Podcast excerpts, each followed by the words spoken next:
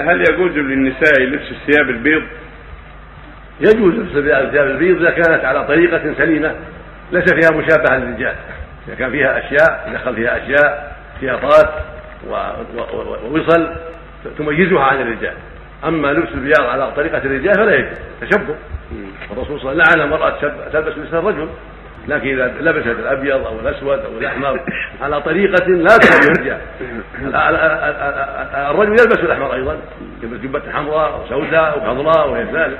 فلا بد أن تكون لبستها غير لبسة الرجل ولا بد أن تتميز وإلا فهي ملعونة إذا تشبهت وهو ملعون إذا تشبه بها. كل منهم ملعون فعليهم جميعا أن يتباعدوا عن التشبه. فهي تلبس لباسا لا يشابهه وهو يلبس لباسا لا يشابهه هذا هو الواجب عليه. إذا